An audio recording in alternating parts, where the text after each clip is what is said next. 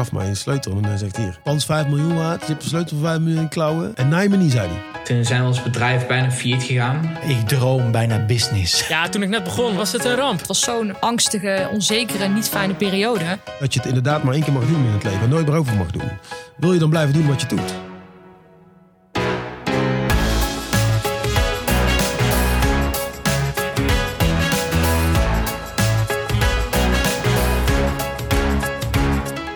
Hey beste luisteraar en welkom bij Young Ones, de podcast waarin ik jou meeneem langs de inspirerende verhalen van jonge ondernemers. Mijn naam is Sander Timmermans en ik ben ondernemer in de muziekindustrie.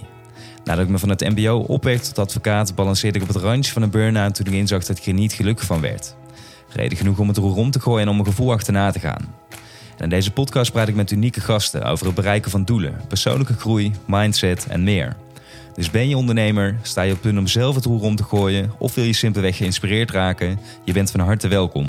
En ik wens je veel plezier met beluisteren van afleveringen.